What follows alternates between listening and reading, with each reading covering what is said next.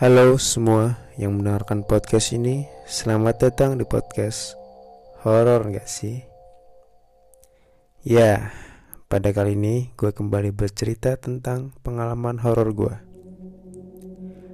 Kejadian ini ketika gue udah tinggal di Kalimantan Dan gue merantau ke pulau Kalimantan Dan gue tinggal di kontrakan Di mana kontrakan ini berjejer memanjang ke samping dan ada tiga kontrakan yang saling menyatu dan di depannya ada teras kayu yang memanjang juga.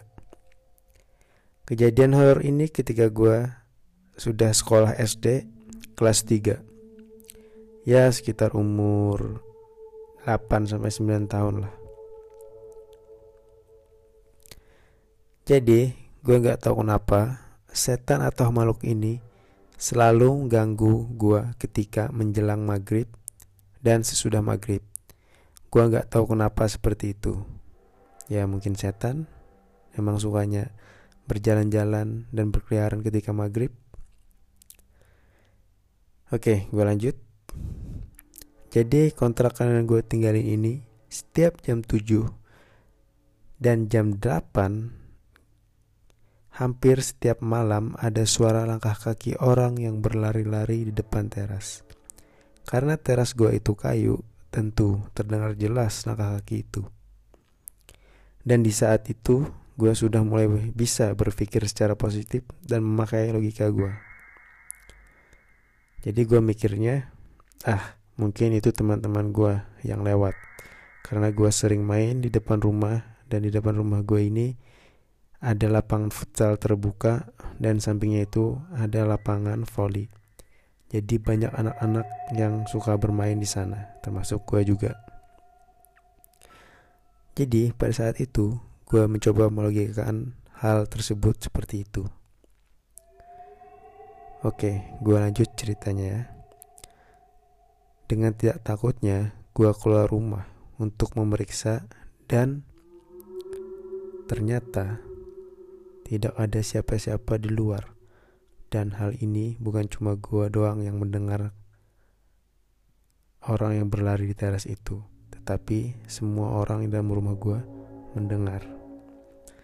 Dan kejadian ini bisa gue bilang hampir setiap malam terjadi. Tepatnya tadi menjelang maghrib dan sudah maghrib sekitar jam 7 dan jam 8an. Dan pernah juga pada suatu ketika pada malam hari masih di jam yang sama sekitar jam 7 dan jam 8 makhluk atau orang ini mengetok pintu rumah gua dan yang membuka kakak cowok gua. Terus ditanya sama mama gua kan siapa yang datang maghrib-maghrib begini? Dan kakak gua jawab gak ada orang di luar. Dan dia mencoba memeriksa di samping rumah takutnya ada orang iseng dan ternyata masih nggak ada orang juga. Hmm. Setelah sampai di situ, tidak lama kemudian ada terdengar lagi suara anak kecil ketawa dan suara itu mirip banget sama suara teman gue. Tetapi jauh di kontrakan ujung dari kontrakan gue. Dan ada langkah lagi berlarian di depan teras dan kembali mengetuk pintu. Terus gue mencoba untuk membuka pintu itu.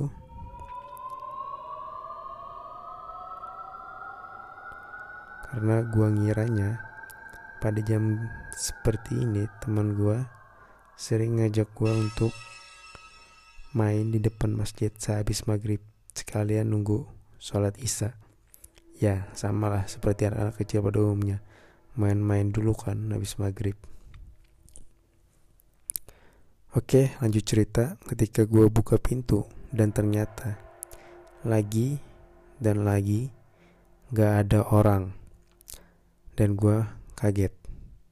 Dan gue mikirnya orang iseng nih. Di situ gue belum mikir yang aneh-aneh. Oke, setelah itu masih di malam yang sama, tetapi dengan orang yang berbeda, yaitu tetangga gue yang mengalami hal seperti ini. Ketika Ketika siang harinya pun dia menceritakan kejadian apa yang terjadi di malam itu. Jadi tetangga gue ini sering begadang menunggu suaminya pulang dari rumah dan kejadian ini jam 12 malam. Ada seseorang yang mengetuk pintu rumahnya tetapi pada saat itu dia mengiranya suaminya pulang dari kerja dan ketika dia membuka pintu tidak ada siapa-siapa. Dan ketika dia menengok ke arah jalan, oh ya, jadi gue jelasin sedikit mengenai kondisi rumah atau kontrakan gue ini. Jadi rumah gue itu di pinggir jalan. Ya cuma jalan kecil yang cukup untuk kendaraan dan kontur jalannya itu menurun sedikit. Jadi ke atas sedikit itu ada pohon mangga tiga pohon mangga berdekatan dan yang satu agak jauh sedikit jaraknya dan Kata orang-orang, di pohon ini sering sekali ada penampakan sosok wanita berbaju putih. Dan sering ada suara cewek yang memanggil nama orang lewat dekat pohon ini. Oke, gue lanjutin cerita tentang tangga gue tadi.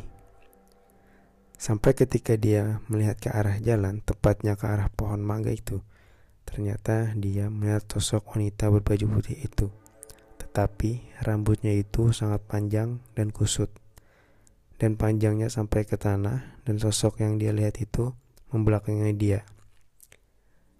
Dan seketika dia memalingkan wajahnya dan membalikkan lagi ke arah pohon itu, makhluk itu hilang. Setelah kejadian itu, semua orang yang ngontrak kontrakan gue ini tidak pernah merespon ketika ada orang yang mengetuk pintu di waktu maghrib karena mereka ternyata semakin kita sering merespon Makhluk ini semakin senang mengganggu dan ketika tidak pernah kami respon lagi, kejadian ini perlahan menghilang. Tapi cerita tentang pohon itu masih selalu ada dan setiap orang yang lewat pohon itu di atas jam 12 selalu diganggu.